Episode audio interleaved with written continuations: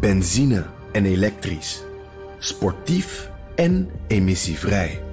In een Audi plug-in hybride vindt u het allemaal. Ervaar de A6, Q5, Q7 en Q8 standaard met quattro vierwielaandrijving. Wat u ook zoekt, u vindt het in een Audi. Audi. Voorsprong door techniek.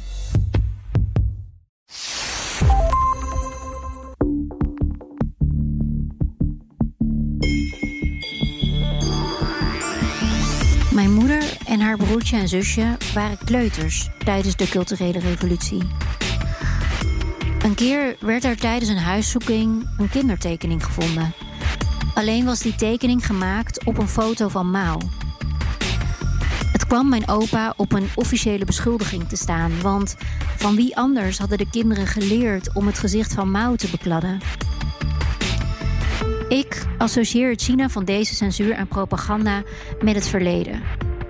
Toch hoor ik nu steeds vaker vragen als: geloof jij de coronacijfers van China dan? Of opmerkingen als: wat een propaganda die mondkapjes die China stuurt.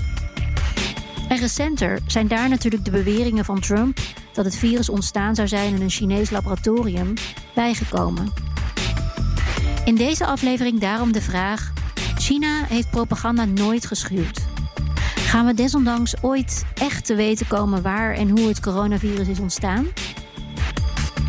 Mijn gasten deze aflevering zijn Rogier Kremers, sinoloog die onder andere gespecialiseerd is in Chinese propaganda. Stefan Landsberger, sinoloog en eigenaar van een van de grootste collecties van Chinese propagandaposters, buiten China dan. En Bei Wang, oprichter van adviesbureau 5 Degrees. Zij houdt voor ons de Chinese socials in de gaten. Mijn naam is Liao Wang en deze podcast wordt mede mogelijk gemaakt door het Leiden Asia Center. Rogier, misschien even beginnen bij jou. Uh, jij bent als sinoloog gespecialiseerd onder andere in propaganda. Hoe kijken Chinezen nou anders naar propaganda dan bijvoorbeeld wij hier in Nederland? Uh, kijk, het moeilijke is natuurlijk als je zo'n vraag stelt: hoe kijken Chinezen? Ik heb het ze niet um, alle 1,4 miljard gevraagd. Um, maar waar je wel naar kunt kijken is uh, hoe kijkt de Chinese Communistische Partij naar propaganda. En daar zit eigenlijk een heel diepe achtergrond in. In die zin dat uh, de Chinese Communistische Partij ziet besturen uh, of politiek niet zoals wij dat zien in een democratisch stelsel als um, het weergeven van de volkswil, maar als het uitvoeren van een wetenschappelijk proces van vooruitgang. Met andere woorden, regeren is een wetenschappelijk plan uitvoeren. En wat je daarvoor nodig hebt, is een, een soort van elite. Uh, een, een goed gedisciplineerde uh, partij dus, die weet wat er dient te gebeuren en die dat ook kan uitdragen aan de rest van de maatschappij. Propaganda is heel erg uh, gericht op één, op natuurlijk um, één, ervoor zorgen dat iedereen het, het juiste weet. Um, en twee, uh, er ook voor zorgen dat uh, iedereen uh, doorheeft dat de communistische partij ook het juiste weet. Dus de hele bevolking dient te weten wat zij te horen doen, maar dient ook duidelijk door te hebben dat, zoals een, een heel mooi liedje uit de revolutionaire tijd het zegt, zonder communistische partij geen nieuw China. Hey, en Stefan, jij uh, hebt een van de grootste collecties Chinese propagandaposters ter wereld. Hè? Uh, buiten China, ja. Buiten, buiten China, uiteraard. Ja, dus super bijzonder. Um, wat zie jij dan aan die posters wat echt anders is in die uitingen uh, dan we bijvoorbeeld hier in het Westen zouden zien? ik denk dat de Chinese propaganda in die zin anders is, omdat die overal is en altijd aanwezig is.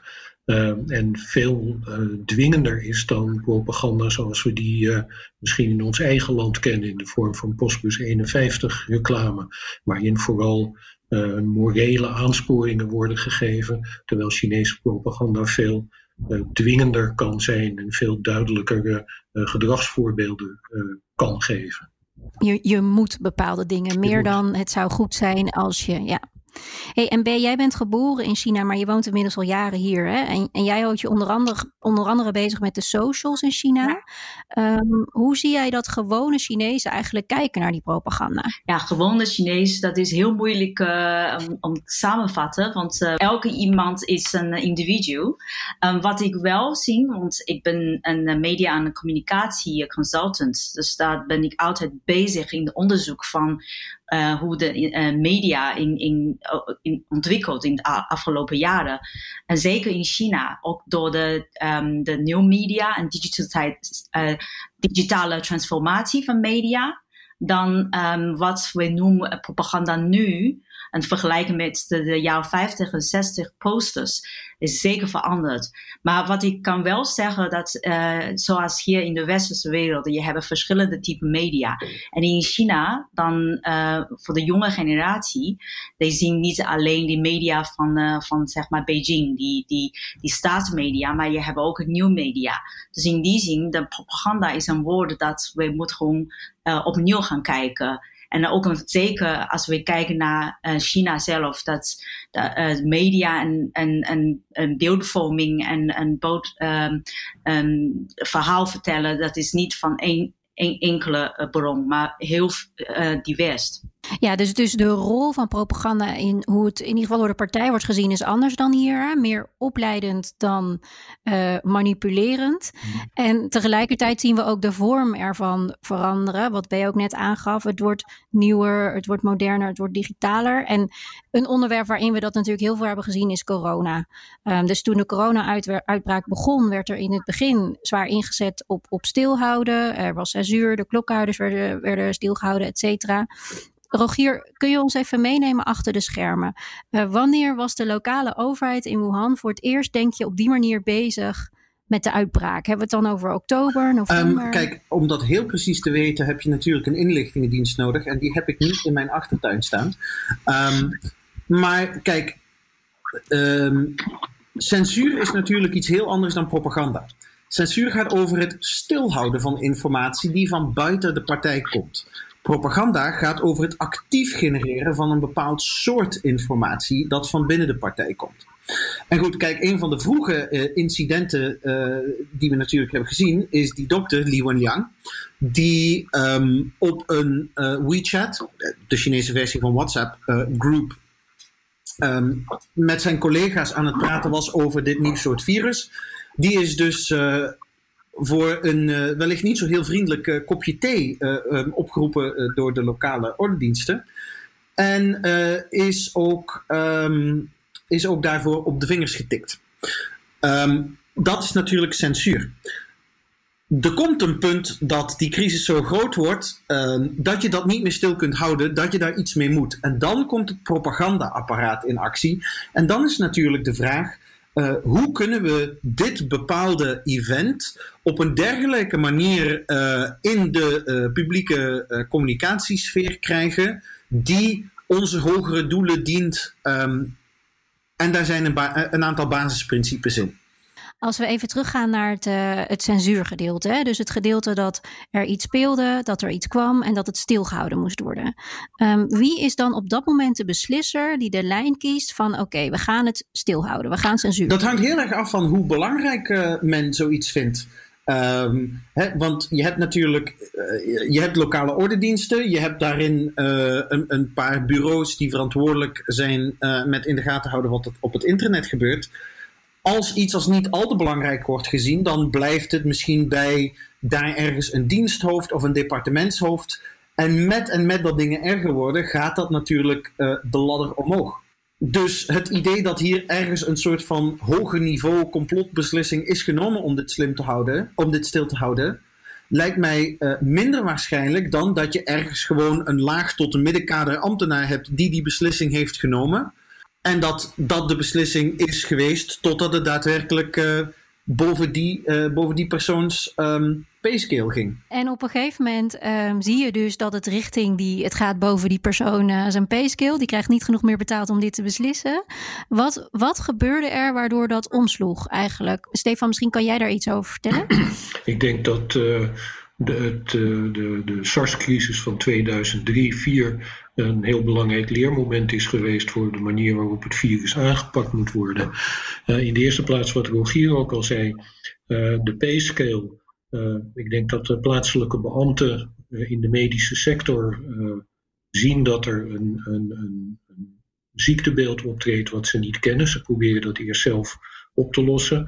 Dat lukt niet. En ze kunnen om hun eigen vaardigheid niet uh, in discussie te brengen, niet rapporteren dat ze het niet aankunnen. Op een gegeven moment blijkt dat ze het niet aankunnen en dan komt het bij een beambte te liggen, een ambtenaar, politieke, iemand met politieke besluitvorming. En die kan ook op plaatselijk niveau niet toegeven dat ze het niet aankunnen. Ik denk dat het zo langzamerhand uiteindelijk dan toch niet meer stil te houden blijkt. Wat ze hebben geleerd van uh, SARS 2003-2004 is dat de pogingen om het stil te houden, om te voorkomen dat China daarmee zichzelf in discrediet brengt, op een gegeven moment niet meer werken. En dan treedt er een omslagpunt wordt er bereikt waarop men besluit, dan gaan we maar in volledige openheid om te laten zien dat we goed zijn en dit wel degelijk heel goed aankunnen.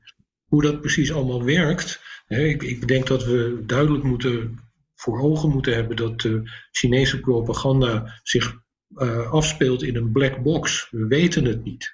Uh, er zijn allerlei mensen die hun vingerafdrukken op het propagandabeleid hebben, maar we weten niet wie die mensen zijn of van wie die vingerafdrukken zijn. Dus wie wat op welk moment beslist, uh, ik, ik denk niet dat we dat kunnen, kunnen ontdekken.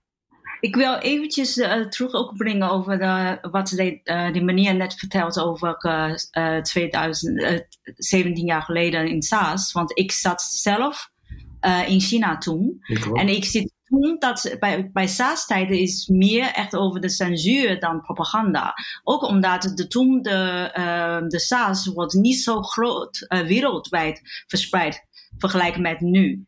En toen, uh, ik denk dat uh, nu als we praten over Chinese propaganda, uh, dan moeten we niet zonder de wereldcontext. Want ik denk dat uh, met de SARS-tijd, ik ben alleen maar afhankelijk van de staatsmedia, kranten, misschien telefonisch bellen. Want toen, dat is de enige manier dat ik praatte met mijn, mijn vrienden in Nederland, dan via telefoon. En dan nu heb je al die internet, um, de media en ook al die social media. Dus ik denk dat alleen maar over Chinese propaganda praten, dan zonder context, dan is het heel moeilijk om samenvatten. Omdat um, want wij, wij zien vaker dat de Chinese uh, staatsberichtgeving uh, als propaganda. Terwijl uh, ja, ik, ik zie eigenlijk dat China probeert zichzelf ook een soort van public diplomatie gaan doen. nu in, in, die, in, in deze context. Want nu is een, een werelddiscussie. Um, dus ik denk dat dan in die zin dat als, als ik uh, kan over, uh, over hoe, hoe Chinese mensen in China kijken naar dit oude media uh, chaos, dan ik zou zeggen, je hebt zeker lezers die helemaal geloven, volgen wat de Chinese staatsmedia zeggen, maar tegelijkertijd je hebt ook een binnen China ook een andere stem, een andere uh, informatie uh, uh, in, in een heel subtiel manier. En dan, als naar, naar buitenkant, dan ik denk dat, ja, dan moeten we gewoon meer gaan nuanceerd kijken. Omdat alleen we gewoon één uh, woorden gaan samenvatten dat ja, alle informatie die Chinezen lezen in China is propaganda, dan ik denk dat is een onderschatting aan de, zeg maar, de, de, de, de Chinese lezers uh, kwaliteiten van, uh, van, van um, van zijn uh, zelfdenken. Ik, ik, denk dat het uh, heel belangrijk is dan om een onderscheid te maken tussen propaganda, zoals die door de Chinese overheid wordt gevoerd in de richting van de eigen bevolking, en de manier waarop informatie en berichtgeving door de Chinese overheid richting het buitenland wordt gebruikt. Want dat zijn, dat zijn toch heel verschillende manieren van zaken aan de orde stellen. Misschien dat we even kunnen blijven bij um, de communicatie eigenlijk van de overheid naar de lokale, naar de, naar de bevolking van China. En dat we daarna even ingaan op het internationale perspectief en eigenlijk bijna de social media war die je nu ziet uh, tussen Amerika en China. Dus daar gaan we, gaan we zeker nog op in Hey, en Ben, jij gaf net al eventjes aan, het is echt niet zo dat iedereen in China helemaal gelooft wat de overheid zegt. Hè? Ik bedoel, sommige mensen zullen dat wel doen, maar ook heel veel mensen halen informatie ook ergens anders vandaan. Um, als je kijkt naar de informatie die als eerste naar buiten kwam over het coronavirus, wat zag jij dan allemaal ontstaan? Ja, ik denk dat het net uh, Rogier benoemde over de dokter uh, uh, Li Wenliang. En, dat was het moment dat heel veel, als we binnen de Chinese media kijken, want die, um, uh, in eerste instantie, de staatsmedia was eventjes stil. Dat doet mij meteen denken aan de SARS-tijd. Was gewoon proberen alles te gaan verborgen. En dan begint er heel veel, want Weibo, de Chinese Twitter, speelt best een grote rol toen. Dan begint er heel veel verhalen op Weibo. En, en dan um, op WeChat was, begint ook een, een, een verschillende verhaal over de situatie binnen Wuhan. En ik denk dat um, ik, toen praat ik met een aantal mensen binnen China als een, beetje een bergenjournalistiek. Die zeggen, ja, we zien dat een, een, een grote golf van uh, bergenjournalistiek uh, in, in bijna vijf jaar dat niet, uh, niet speelt. Maar ineens dat was weer groot. En daarna wordt natuurlijk dat uh, internetplatform wordt ook meteen uh, valt onder de censuur. Want uh, dan ministerie van tele, communicatie en um, die, die, die gaan ook een, iets, iets gaan doen om, om dat um, te controleren. maar toch uh, ik weet dat heel veel individuen dat hebben die informatie en dan sommige mensen gewoon onderling zeggen ja we gaan gewoon die um, verhaal als screenshot. We gaan gewoon dat zelf gewoon houden. En zodat uh, ja, nu als we weer op de Chinese um, uh, media ecosysteem gaan zoeken, heel veel informatie van twee maanden geleden vond je hem niet. Maar ik geloof niet dat ze is helemaal verdwijnen. Dat is waarschijnlijk in, in wat ook, ja, dat is continu een, een, een, een soort van uh, interne beweging uh, met bergers en, uh, of mensen die proberen gewoon informatie te vinden. Maar dan zie je gewoon verschillende bronnen. En dan ik zie ook een, een liberale media. Die proberen ook iets. Zien heel veel manier van de manier van schrijven, de manier van verhaal vertellen. Ja, ik, ik denk dat het niet gewoon het zwarte wit dat alleen enige um, staatsmedia die, die domineert alles. Ja. Waarschijnlijk van buitenkant zie je dat wel, maar binnen zeker niet. Maar van binnen broeide er dus van alles, zeg maar, aan de, op de communicatieplatformen. Maar ook wat Stefan net al aangaf, hè, het werd ook medisch en gewoon maatschappelijk steeds moeilijker voor zo'n lokale overheid om die boel eigenlijk onder controle te houden. En toen kwam er het moment van: oké, okay, het gaat niet meer. Er wordt een andere route gekozen. We hebben geleerd van SARS. Het virus bestaat. En we moeten het eigen land en ook het buitenland gaan informeren. Um, Rogier, wie denk je dat zo'n beslissing dan neemt? Van, van we gaan compleet een ander narratief van ontkenning, van acceptatie. Kijk, je moet ervan uitgaan dat er op dat moment echt even interdepartementaal overleg uh, dient plaats te vinden. Net zoals dat hier uh, uh, zo is trouwens. Want de vraag hoe bestrijd je een virus is natuurlijk een andere vraag maar wel verwant met de vraag hoe communiceer je over de bestrijding van het virus. Want op een dergelijk moment, er moeten beslissingen genomen worden. Hè. In eerste instantie wordt Wuhan afgesloten, er, worden, uh, er gaan ook andere gebieden in lockdown. Mensen moeten weten wat ze moeten doen. Je moet duidelijke instructies geven aan je bevolking. Maar verder moet je die boodschap ook op een dergelijke manier masseren dat je daar een bepaalde politieke lijn mee uitzet over wie is hier verantwoordelijk voor. En dan merk je inderdaad uh, in een tijdsgevricht waar ook in China natuurlijk uh, hoe langer hoe meer sociale media is. Uh, intussen, laatste cijfers die we hebben, 900 miljoen Chinezen zijn regelmatig online. Dat is best veel. Um, dat, uh, wat je merkt is dat met de tijd uh, de propaganda-autoriteiten best wel een redelijk gesofisticeerde aanpak hebben ontwikkeld om een boodschap op een dergelijke manier vorm te geven dat een aantal politieke belangen daar duidelijk wordt gediend. Eén daarvan is bijvoorbeeld dat um, dit soort crisissen moeten altijd kunnen worden afgewenteld op uh, individuele fouten en mogen niet kunnen worden uh, uh, geïdentificeerd als zijnde een consequentie van het systeem. Met andere woorden, je moet een individueel zondebok vinden of een klein aantal zondebokken die duidelijk iets fout hebben gedaan, in plaats van in plaats van de, de, de, bevolking die zeg maar de woede of de frustratie of de onvrede gaat richten op het systeem als dusdanig. Ja, en dat waren dus de lokale mensen in Wuhan. De lokale overheden werden geofferd, hoor ik jou dus zeggen. Uh, klopt. En dat is sowieso een heel vaak voorkomende tactiek. Hè? Dat, dat, dat is iets wat je in zijn algemeenheid ziet. Dat uh, de centrale overheid ik vergelijk het graag een beetje met de katholieke kerk. En eigenlijk moet je, uh, is dat een hele nuttige lens uh, om de Chinese Communistische Partij te begrijpen. God is almachtig, de lokale priester is ook maar een mens. Met dat idee, je lokale priester, die zie je regelmatig, dat is ook maar een mens met, met zijn eigen onhebbelijkheden en zo. Um, en daar kun je al wel eens over mopperen, mopperen. Maar God is natuurlijk. Um, volmaakt. En hetzelfde uh, qua tactiek probeert de Chinese Communistische Partij. Het centrale leiderschap met Xi Jinping in de kern is wijs, is voorzienend, is uh, van goede wil en wat iets meer zei. En het zijn die lokale ambtenaren die de boel hebben versteerd. En dus zal nu Xi Jinping leiding nemen over deze heldhaftige strijd. Uh, waarbij we het hele land mobiliseren om dit virus te lijf te gaan. Dat is de, de kerntactiek die binnenlands uh, dan wordt aangewend. En, en is in deze analogie, hè, is, wie is dan God? Is dat Xi Jinping zelf of is dat het systeem van de Communistische Partij? Allebei. Xi Jinping verpersoonlijkt hoe langer hoe meer dat systeem. En we zien nu Kijk, er is natuurlijk altijd een beetje een, een, een leiderschapscultus overgebleven uh, in, in, in die partij.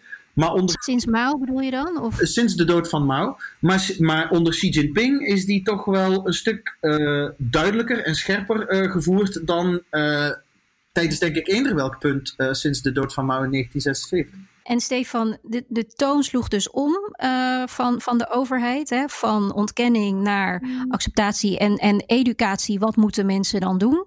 Um, een van de middelen die daarin werd gebruikt was dus het slachtoffer of het afwentelen van bepaalde dingen die misschien eerst niet klopten met de toon nu op bepaalde personen. Uh, wat voor tools zijn er dan nog meer die, die de Communistische Partij gebruikt om dat narratief eigenlijk te laten landen? Ik denk dat je, ik denk dat je alle elementen ziet in het, eh, in het geval van de dokter. Uh, die dus in eerste instantie aan de, aan de bel trekt. Er, is iets wat we niet aankunnen. Uh, vervolgens wordt uitgenodigd voor het kopje thee en een uh, zelf aanklacht moet, moet ondertekenen. waarin hij zichzelf beschuldigt van ondermijnende activiteiten. En ergens tussen dat moment en het het massaal optreden tegen het uitbrekende virus, verandert de rol van de dokter in een, uh, een, een staatsgevaarlijk persoon naar een martelaar. Uh, en ik denk dat dat uh, aangeeft dat daar die grens overschreden is en hij niet langer een gevaar voor de staat vormt, maar een voorbeeld kan zijn als een voorbeeld kan dienen voor de rest. Van wat hij allemaal heeft opgeofferd voor zichzelf, voor het land. Nou, het is, het is volledige zelfopoffering. Hoewel hij op het moment dat hij uh, dodelijk besmet werd, dat waarschijnlijk niet als zodanig heeft, uh, heeft uh, waargenomen. Maar zijn persona, hè, de dokter die tijdens het behandelen van coronapatiënten zelf besmet wordt en vervolgens eraan onderdoor gaat, is natuurlijk een ontzettend uh, boeiend uh, narratief om de bevolking te presenteren. Kijk, dit zijn de stappen of dit zijn de, de, de risico's die er genomen worden. Kijk hoe gevaarlijk dit virus is. Kijk hoe belangrijk het is dat sommige mensen zich beyond the call of duty inzetten om een en ander uh, aan te pakken. En tegelijkertijd, een aantal maanden later, een aantal weken later, is de dokter die van een boef ineens een held is geworden, tegelijkertijd ook een soort, uh, uh, om in de beeldspraak van Rogier te blijven met de katholieke kerk, een soort biechtvader geworden. Want het schijnt dat zijn internet of zijn, zijn WeChat-account of Weibo-account nog steeds actief is.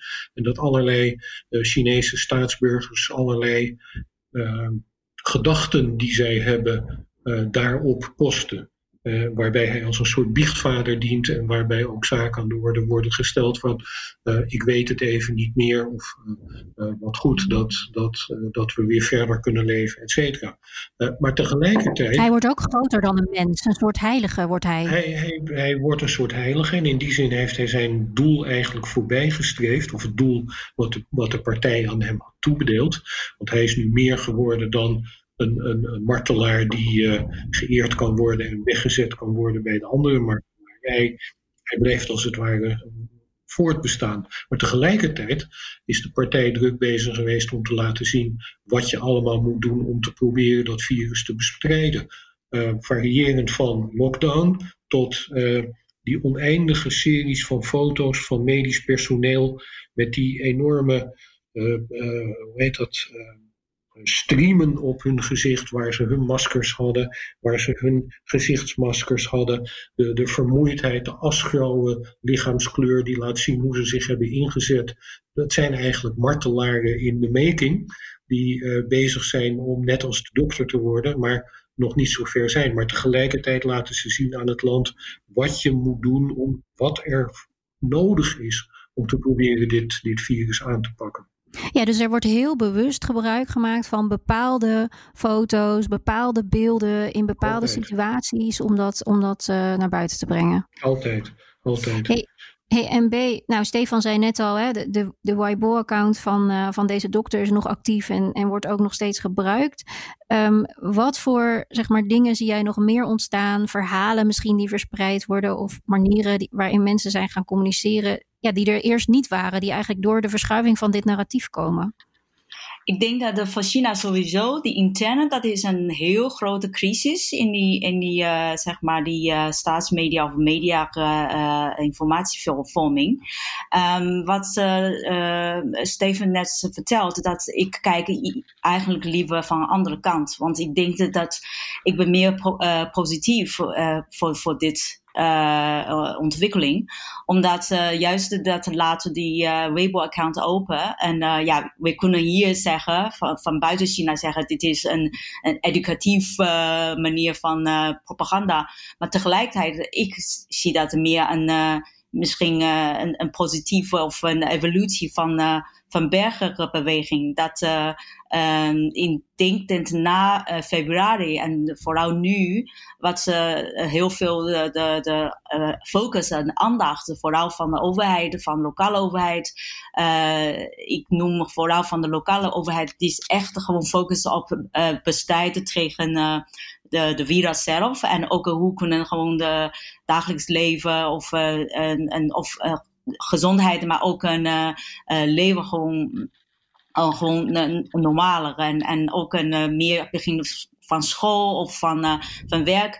En dan ons, er zit ook heel veel grote impact van de economische kant van China. B, vind jij dan vind jij dat de Chinese overheid daadwerkelijk transparanter is geworden sinds bijvoorbeeld februari? ik denk dat, uh, dat er moeten we eigenlijk kijken naar uh, in welke soort van uh, verhaallijn.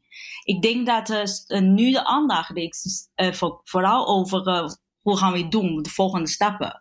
Dus dan, dan ik denk dat sinds februari de Chinese overheid laat meer aan de, we noemen dat specialisten, zoals de medische mensen, die dus dan in plaats van meer in de, in de um, overheid gaan.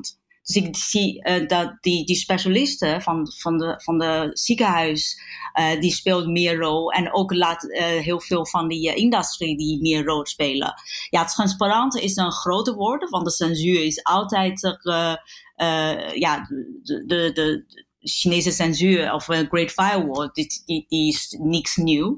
Maar wat ik zie wel, dat is ja, misschien meer ruimte geven. Omdat het probleem is niet, uh, uh, niet om, om ja, blijven hetzelfde doen als het verleden. Dus ik zou zeggen, dat, uh, dat is eigenlijk een verbetering. Ja, en Stefan, ik zag jou je hoofd schudden toen ik die vraag stelde over transparantie. Hoe, hoe kijk jij daarnaar?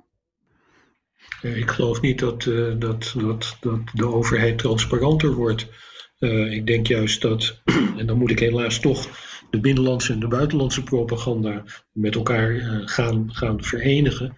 ik denk juist dat de overheid er op een moment alles aan doet om te laten zien dat hun aanpak van het, uh, van het virusprobleem de enige juiste is geweest. En dat ze alle steken die er eventueel gevallen zijn onder het tapijt vegen en laten zien, zo moet het. En kijk, wat laten ze zien naar de rest van de wereld. En geven aan dat hun aanpak de enige juiste is. Dus er zijn ook geen fouten gemaakt. Dus er is ook helemaal geen noodzaak om transparanter te zijn, want hun, hun aanpak is perfect geweest. Precies, want, want dus, naast dat in China het virus onderkend moest worden in het, in het land zelf om het te kunnen bestrijden, werd dus ook de internationale gemeenschap geïnformeerd van het bestaat en, en we moeten er wat mee. Um, Rogier, als we daar even op uitzoomen, hoe dramatisch was dit voor China? Zeg maar? In hoeverre keken ze hier naar als een, als een PR-ramp in de making? Of hadden ze zoiets van nee, wij gaan meteen een bepaalde rol spelen en dat komt wel goed? Uh, nou ja, het grappige is dat uh, als je er nu op terugkijkt, je bepaald niet kunt zeggen dat uh, de Chinese overheids-PR heel succesvol is geweest. Um, eh, je ziet dat, dat China uh, toch op allerlei vlakken uh, zichzelf aardig in de voet heeft geschoten. Moeten we natuurlijk ook wel zeggen, um, sowieso alles wat uit China komt, hier in het Westen, hier in Europa, behandelen wij al inderdaad vanuit een basis van scepticisme. Um, en er, zijn een en, en er zijn een aantal vragen. Natuurlijk opnieuw een, een, een medische vraag, een eerder een virologische vraag. Hè. Wat heeft China gerapporteerd aan bijvoorbeeld de WHO? Hebben ze dat snel genoeg gedaan en wat iets meer zijn? Daar is uh, natuurlijk uh, heel veel debat over. En met het voordeel van uh, terug kunnen kijken, hè, dat is natuurlijk altijd makkelijker. Ik heb ook collega's aan de universiteit die medisch wetenschappers zijn. En die mij dan vertellen dat. Um, gegeven dat dit een pandemische omstandigheid is die geen enkele mens levend ter wereld uh, al ooit heeft gezien. Hè, dat, dat uh, geconfronteerd met een, een, een, een, medisch probleem van deze om, omvang, dat de, Chinese, dat de Chinese medische autoriteiten binnen de grenzen van, wat voortschrijdend inzicht mogelijk maakt, um, eigenlijk best wel snel hebben gehandeld. De bredere vraag is hoe China zich dan inderdaad uh, wil propageren als bestrijder van het virus. En de boodschap uh, die China wil uitdragen is: um, wij hebben dit heel competent gedaan. Um, en, en goed, uh, met name onze vrienden in Washington maken dat Beijing natuurlijk heel gemakkelijk. Um, het Westen gebruikt dit virus als een goedkope basis om ons systeem opnieuw aan te vallen en om af te leiden van hun eigen incompetente aanpak uh, van het probleem. Is dat laatste vooral gericht uh, op het interne publiek, op de Chinezen? Zo van kijk, kijk wat het Westen ons nu aandoet? Of is dat ook vooral gericht op het Westen zelf? Allebei. Um, en en, en op verschillende manieren. Kijk, om te beginnen, je moet er natuurlijk rekening mee houden dat uh, de Chinese diasporische gemeenschap, uh, dat is de grootste diasporische gemeenschap ter wereld. En dat is ook een publiek. Um, maar zeker naar het binnenland toe, kijk, alles moet eraan worden gedaan om de Chinese Communistische Partij voor te stellen als de enige politieke macht die uh, China vooruitgang kan bezorgen. En dus wat je bijvoorbeeld zag, is dat uh, toen dit begon, uh, Europa een vliegtuig hulpgoederen naar Wuhan heeft gestuurd, helemaal in het begin van deze crisis. maar wel onder voorwaarde dat dit zo stil mogelijk zou worden gehouden. Um, als je dan even verder spoelt, op het moment dat het virus in uh, Italië landt, dan zie je de Chinese regering stuurt, uh, uh, stuurt allerlei vormen van hulp en wil dat liefst met zoveel mogelijk fanfare in alle media hebben. Want kijk eens hoe, um, kijk eens, kijk eens, kijk eens hoe menslievend, kijk eens hoe hard China werkt om deze crisis um, onder de knoet te krijgen. Um, en daar zit hem dus, uh, daar zit hem dus een kern van dat verhaal. Je moet het leiderschap van de Chinese Communistische Partij voorstellen als de ultieme vorm van competentie. Um, en het idee dat er ergens wel eens verantwoordelijkheid voor zou moeten worden genomen, of dat je het legitiem met dat leiderschap oneens kunt zijn, dat zit er niet in. Eh, en dus elke vorm van negatief geluid over China uit het buitenland wordt in China automatisch geïnterpreteerd als een aanval. Ja. En op zo'n moet je dus reageren. En dan krijg je dus uh, die wolfdiplomaten, zoals we ze intussen zijn gaan noemen, die het dan hebben, uh, die allerlei samenzweringstheorieën gaan lanceren over dat het het Amerikaanse leger zou zijn, die de Wuhan Military Games zouden hebben gebruikt als een kans om uh, dit virus China binnen te brengen. Dat zijn gewoon het ministerie van Buitenlandse Zaken. Nou, daar was ik nog even benieuwd naar. Stefan, want jij hebt natuurlijk heel veel gekeken naar uh, propaganda zoals die wordt gebruikt in China met beelden en verhalen. En, en in hoeverre gebruiken ze diezelfde tactieken nu in het buitenland? Of is dat heel anders? Uh, ik, ik, denk dat uh, de, de Wolf Warrior diplomaten die Rogier net noemde, dat die uh, zich heel goed hebben bekwaamd in de manieren waarop je Twitter en Facebook en dergelijke kunt gebruiken om snel een bepaalde mening over het voetlicht te brengen. Ik, ik, denk dat, en dat, dat heeft een van mijn vroegere promovenda, promovendi Nie heeft dat heel goed uh, aangetoond. voor westerse media heb je een, wordt een andere manier van communiceren gebruikt dan voor de Chinezen. En dat heeft heel veel te maken met uh, zaken die al eerder hier vandaag ter sprake zijn gekomen. De communistische partij als al alleswetende, nooit foute organisatie. Uh, die praat over het algemeen naar beneden. Zo wordt er ook naar de Chinese bevolking gesproken. Uh, er, is een soort dwingende toon in de, in de communicatie van de partij in de richting van de Chinese bevolking. En dat werkt niet naar Westerlingen toe.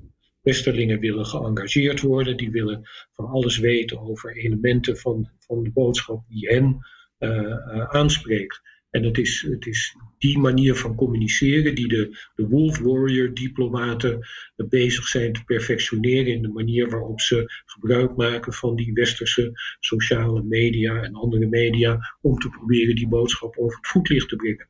Maar wat ze zeggen, dat wordt niet gedeeld met de Chinese bevolking. Die krijgen een heel ander dieet aan informatie uh, voorgeschoteld. Dus je kan eigenlijk spreken van twee verschillende pakketten van, van propaganda of van onderwijskundig educatief materiaal dat aan verschillende doelgroepen wordt, uh, wordt gepresenteerd op verschillende manieren. Want de manier waarop de Wolf Warrior diplomaten zich uiten in die... Wat wordt er dan bijvoorbeeld gezegd uh, door die Wolf Warrior diplomaten, wat echt waarvan jij zegt van nou dat is echt getarget op de, op de westerse wereld. Dat zou in China zouden ze dat nooit zeggen. Ik denk dat het verhaal van, van het Amerikaanse leger wat dat geprobeerd heeft een virus in China te in, introduceren tijdens de military games in Wuhan, wat door die Wolf Warrior diplomaten wordt gebruikt, is iets wat ook in China wordt gebruikt. Maar de manier waarop de, de, toonzetting is heel anders.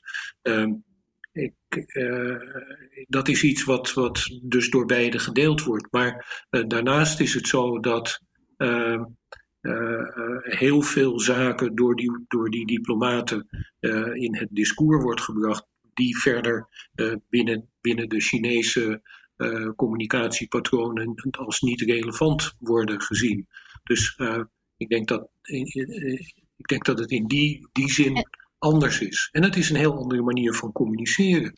Uh, ik denk dat, dat de, de communicatiewijze op Twitter van de, de, de Wolf Warrior diplomaten veel meer staccato is dan de manier waarop er naar de, naar de, Chinese, naar de Chinese bevolking wordt, uh, wordt gecommuniceerd. En wat is een voorbeeld van wat, wat zij aanhalen uh, waarvan dat wat in China helemaal niet relevant zou zijn?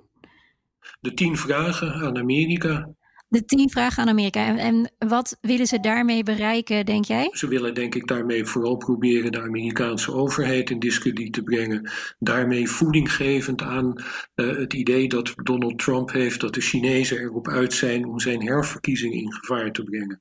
En tegelijkertijd. Ja. Aan te, tegelijkertijd wordt dat door die diplomaten gebruikt om te, door die vragen te stellen, door zeg maar de, de, de vinger te leggen in de open wond van Amerikaans falen, uh, geven ze, proberen ze aan te geven hoe goed de Chinezen zelf uh, gereageerd hebben op, op deze situatie. Maar daar zit natuurlijk een breder punt in. Hè? Het zat er al bovenarms op tussen Amerika en China.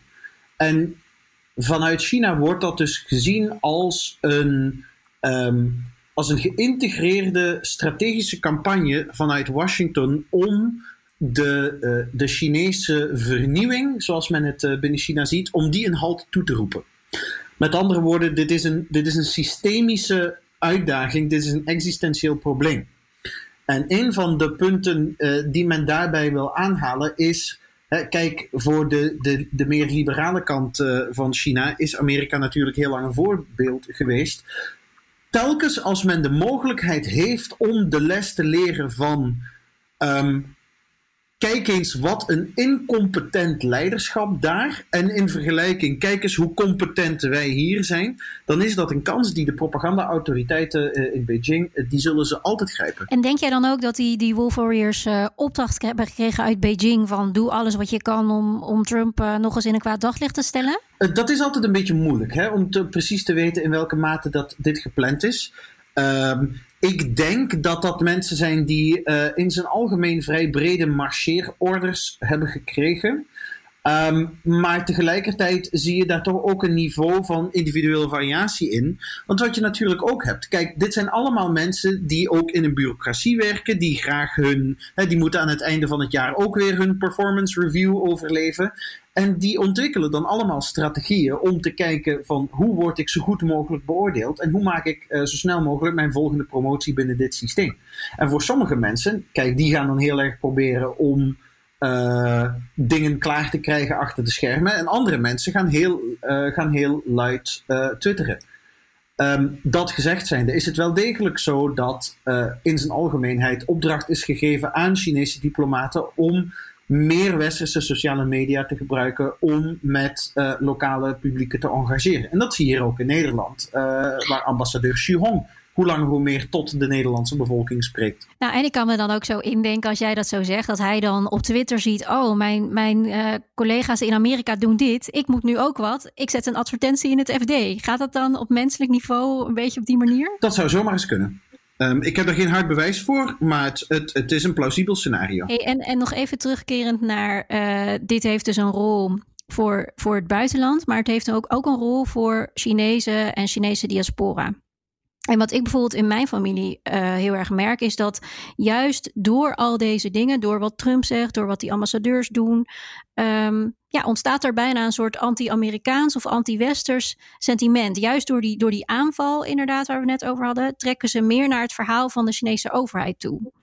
Um, B, hoe zie jij dat? Is dat een breder iets? Of, of gaan uh, Chinezen door de verhalen van Trump juist twijfelen aan het verhaal van hun overheid? Of, of hoe wordt daarop gereageerd? Kijk, ik ben altijd heel saai dat ik probeer altijd de uh, discussie naar de nuances gaan brengen. Uh, want die Wolf Warrior discussie zeker speelt een rol.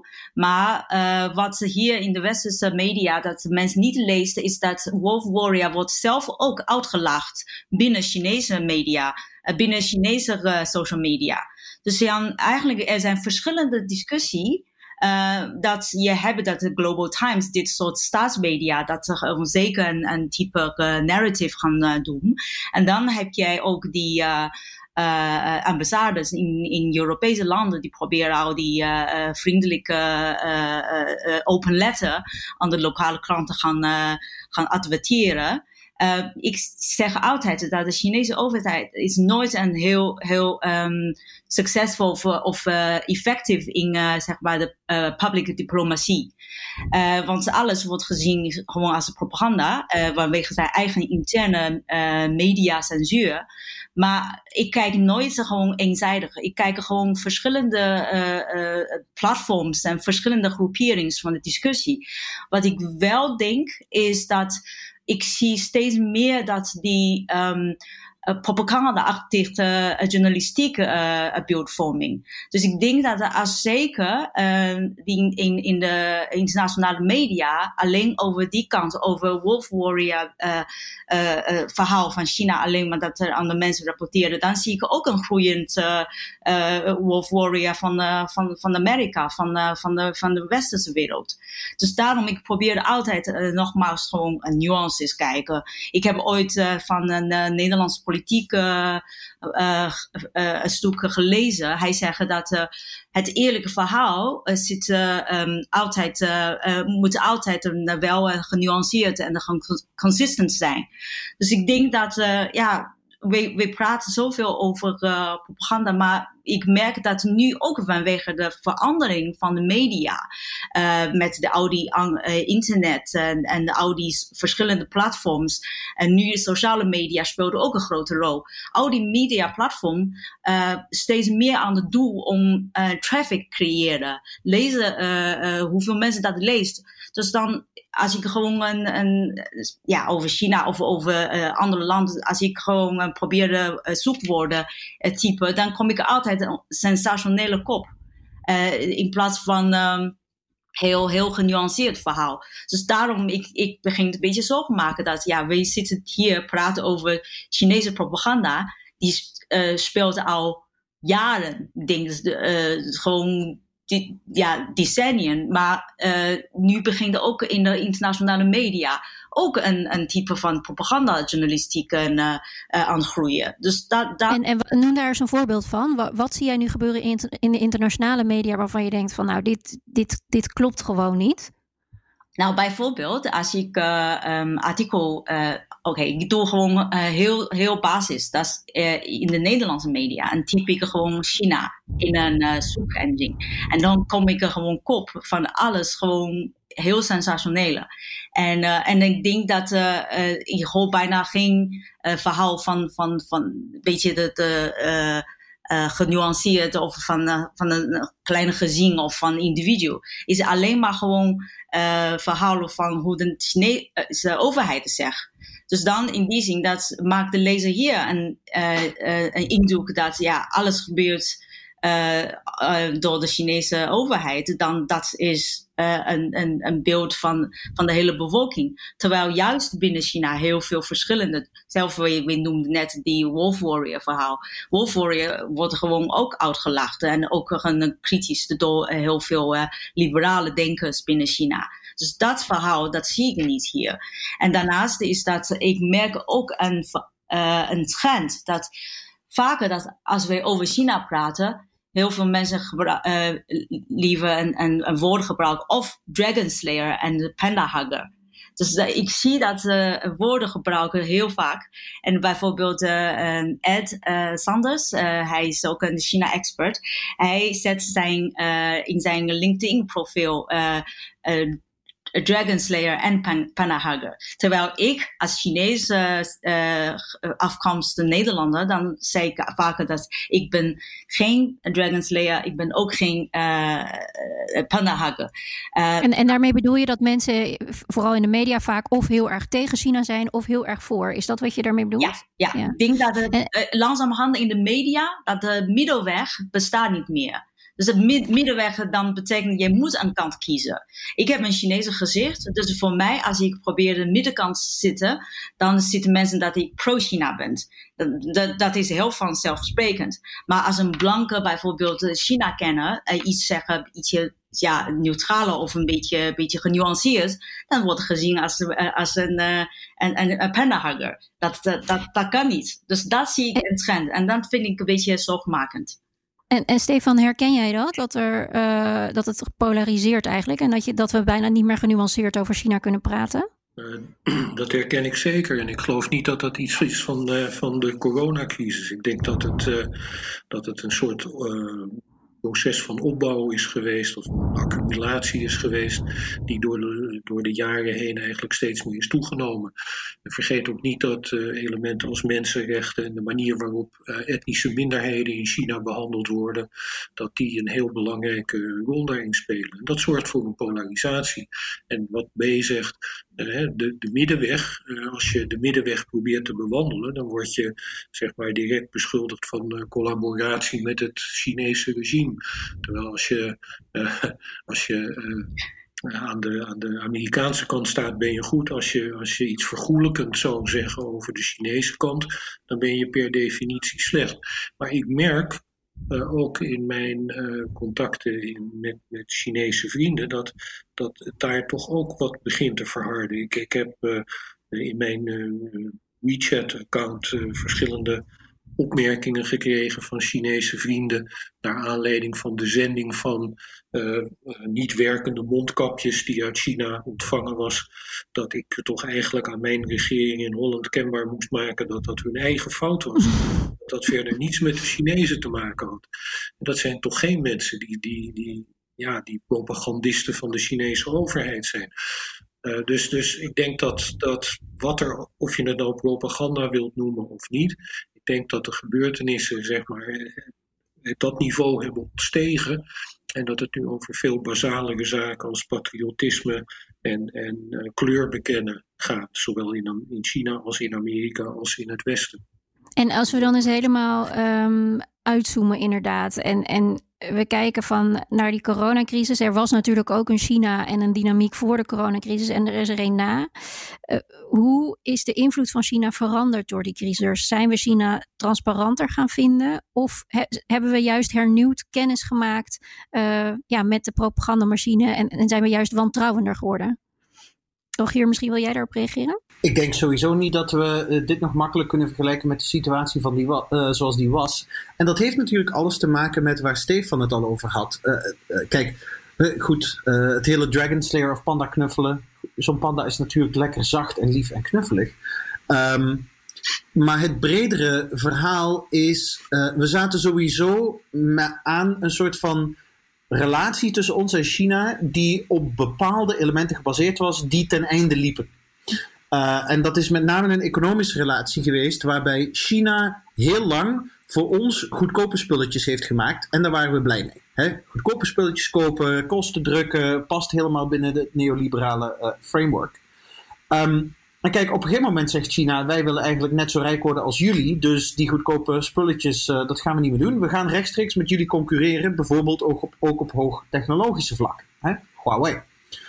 En daar zie je dat een deel van die spanning al begint. Want het, we vonden het prima om af en toe wat te zeggen over mensenrechten, zolang dat die Chinezen maar heel betrouwbaar onze goedkope troep uh, maakten. Maar dat zij ook aanspraak maken op wereldleiderschap, dat vinden we niet kunnen. Um, en wat je ook verder vindt van de Chinese Communistische Partij, de aspiratie dat China of dat een individueel Chinees het even goed wil hebben als een individuele Nederlander, ja kijk, daar, daar kun je niet in principe tegen zijn. Um, en dus zaten we met een probleem dat wij China begonnen eh, te beschuldigen voor een economisch systeem dat ons heel lang toe heeft gestaan om, om het heel grof te zeggen, boven onze stand te leven. En dat nu niet meer kan. En in plaats van zelf even te kijken naar hoe wij ons bestaan dan moeten aanpassen, gaan we boos worden op China dat. Uh, hoe durft het om een van de weinige ontwikkelingslanden te zijn die daadwerkelijk ontwikkelt. Dat, dat, zit daar, dat, dat, dat was sowieso een beetje de achtergrond in. En corona voor heel veel mensen is natuurlijk nu een hele makkelijke stok om een hond mee te slaan, waarbij je zegt: kijk eens, en je kunt ze niet vertrouwen en ze hebben geen bestaansrecht en wat die smeer zei. Um, en een Chinese overheid die zich uh, daar natuurlijk uh, heel erg tegen probeert te verzetten. Kijk, het moeilijke qua engagement met China is. Um, het Chinese overheidssysteem is heel erg slecht in luisteren. En dat zie je op allerlei diplomatieke vlakken. Dat zie je ook bijvoorbeeld met dat Belt Road initiatief. Um, je hebt het Chinese plan en dat is goed. Um, en voor de rest is er niks. Hè? Uh, het, het, het, is heel moeilijk vanuit de Chinese kant om, om in onderhandeling te treden, om ook te zien dat wat een Europees land wil of wat dan ook, dat misschien tegen de Chinese belangen instrijkt, maar op zich ook le legitiem is. Beijing kan heel slecht luisteren. En dat is zo op systemisch vlak, dat is ook zo op individueel vlak. Geen enkele uh, senior uh, Chinese leider uh, spreekt vloeiend een buitenlandse taal of heeft een hele lange periode in het buitenland doorgebracht. Die voeling met de rest van de wereld ontbreekt vaak aan de top van het politieke systeem. En dat, en dat, speelt, uh, dat speelt ze gewoon parten. En wat je dus ziet is, op het moment dat de stress in zo'n systeem schiet, komen al die oude reflexen binnen. De reflex van de paranoia, de vijandigheid, het bedreigingsgevoel. Voor een deel niet helemaal zonder rechtvaardiging. Maar ook, kijk, um, mijn Duitse collega Sebastian Halmen uh, heeft wel eens gezegd, en ik parafraseer. Uh, het Chinese regime is eigenlijk een uh, guerrilla-organisatie die toevallig een land bestuurt. Want zo is de Chinese Communistische Partij in de jaren 40 aan de macht gekomen en dat heeft op een bepaalde manier haar politieke DNA gevoed. Dat zie je heel erg in zo'n crisis. Op een bepaalde manier komt nu dat hele, communicatie, uh, dat hele communicatiesysteem in zijn element. Dit is een systeem wat gewend is om te mobiliseren voor crisis en een vijand te lijf te gaan. Dat, dat, is gewoon de, de, dat is gewoon de kern van wat de Communistische Partij doet. En voor een deel is die vijand natuurlijk corona, maar voor een deel is die vijand ook al die buitenlandse krachten die corona willen misbruiken als de zoveelste manier om China's rechtmatige aspiratie tot grootmachtstatus uh, te doen kapseizen. En als we dan um, door deze, als we, als we dan door deze lens naar dit, naar dit land en dit systeem kijken, denken jullie dat we, en ik ben benieuwd naar jullie, alle drie jullie mening, denken jullie dat we ooit echt te weten gaan komen waar en hoe het coronavirus is ontstaan? Nee, nee, ik denk het niet. Uh, ik, ik, ik, ik, ik, zou niet, ik geloof op basis van wat mensen die, virologen en dergelijke, en uh, mensen die zich uh, met het onderzoek naar het virus bezighouden, tot nu toe hebben naar buiten gebracht, uh, geloof ik niet dat we, het, dat we het ooit te weten zullen komen. Dat het ergens is ontstaan en dat het, ik geloof dat de consensus is dat het een natuurlijk virus is en geen kunstmatig geëngineerd virus is uh, ik, ik, ik, ik, ik weet niet of we het ooit te weten komen. En als we het te weten komen, weet ik niet of het land waar het virus voor het eerst gesignaleerd is, ook bereid is om te zeggen dat dat het land is waar het virus voor het eerst gesignaleerd is. Waarbij ik in het midden wil laten waar dat virus dan voor het eerst gesignaleerd is. want er is, er is toch uh, ja, gaar mee te spinnen om dat wel of niet aan de grote klok te hangen. Dus ik, ik, zou het echt niet weten. Maar terugkomend op de vraag of het, of het wantrouwen ooit weg zal raken of eh, voor eeuwig beschadigd is. Ik denk dat eh, de gebeurtenissen rond corona. Uh, Rogier heeft het net al gehad over de, de guerrilla-organisatie die eigenlijk bestaat om zich altijd te verdedigen tegen een externe vijand. Ik geloof dat aan onze kant, aan de westerse kant, het coronavirus verder heeft bijgedragen aan een soort ja, onberedeneerbare angst voor wat er uit het oosten komt. Zelfs mijn oma, zaliger, had het al over het gele gevaar wat uit het oosten komt, hoewel ze nooit iets te maken had gehad met mensen die uit het oosten kwamen. Er bestaat ergens in onze westerse cultuur een, een, een, een angst voor, noem het de ander, of de, de, de oosterse ander, whatever. Maar ik denk dat, dat die niet is weggenomen door de gebeurtenissen rond corona. B. Uh, wat denk jij? Gaan we ooit te weten komen waar het virus is uh, ontstaan en hoe? Ik denk wel, maar niet in korte tijd. Dat duurde heel lang. En uh, ik, ja, ik kan dat de toekomst niet voorspellen, maar ik geloof dat gaat ooit gebeuren.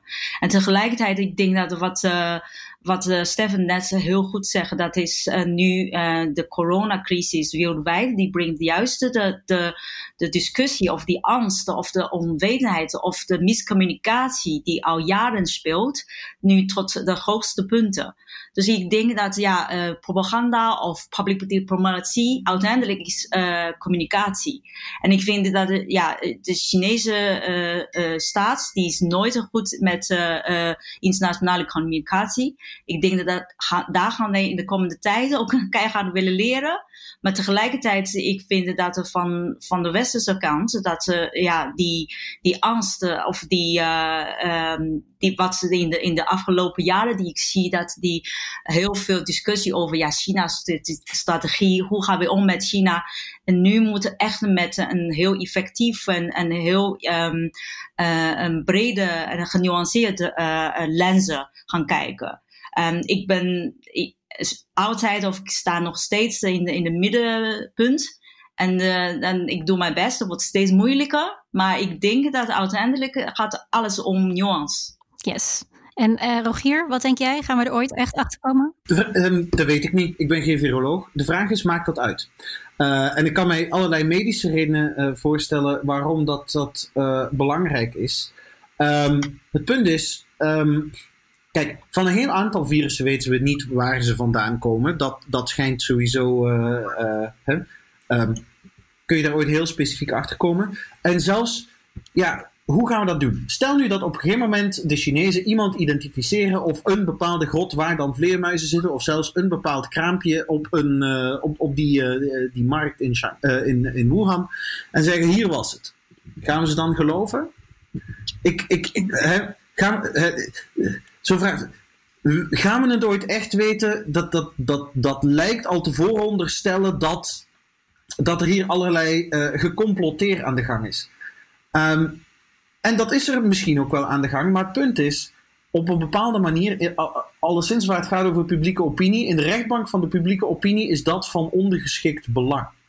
Wat, uh, wat van groter belang is, is bijvoorbeeld hoe gaat de, het China-debat vorm krijgen in de Amerikaanse presidentsverkiezingen, waar de campagne nu reeds in volle gang is en China een van de toppunten uh, van discussie zal zijn.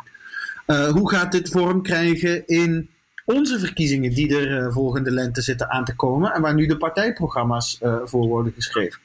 Dat, alleszins vanuit, als, als we het hebben in over China en de wereld, zijn voor mij veel belangrijkere vragen dan gaan we ooit heel specifiek patiënt X vinden. Ja, maar de manier waarop wij daar in de wereld naar kijken, het geloven, et cetera, dat is eigenlijk de vraag voor jou.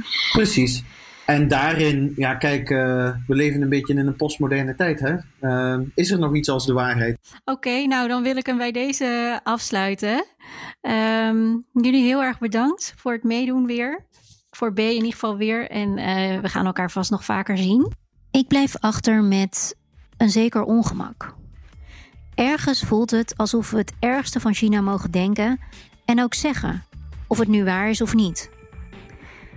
En alsof als je vindt dat China sommige dingen wel goed voor elkaar heeft, beter dan wij misschien wel, alsof je dan in de propaganda van het regime bent getrapt. Misschien heeft Stefan gelijk en komen we er nooit achter of de Panda Huggers of de Dragon Slayers het bij het goede eind hebben. En misschien, zoals Rogier zei, maakt dat ook wel niets uit, omdat sowieso alles perceptie is. Tot zover deze China-podcast. Dank aan mijn gasten Rogier Kremers, Stefan Landsberger en B. Wang. Deze podcast wordt mede mogelijk gemaakt door het Leiden Asia Center en is terug te luisteren via bnr.nl/slash China-podcast, via de BNR-app of je favoriete podcastplatform. Reageren? Dat kan via podcast.bnr.nl.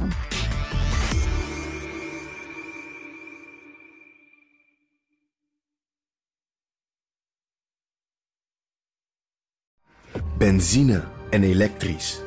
Sportief en emissievrij. In een Audi plug-in hybride vindt u het allemaal. Ervaar de A6, Q5, Q7 en Q8 standaard met quattro vierwielaandrijving. Wat u ook zoekt, u vindt het in een Audi. Audi. Voorsprong door techniek.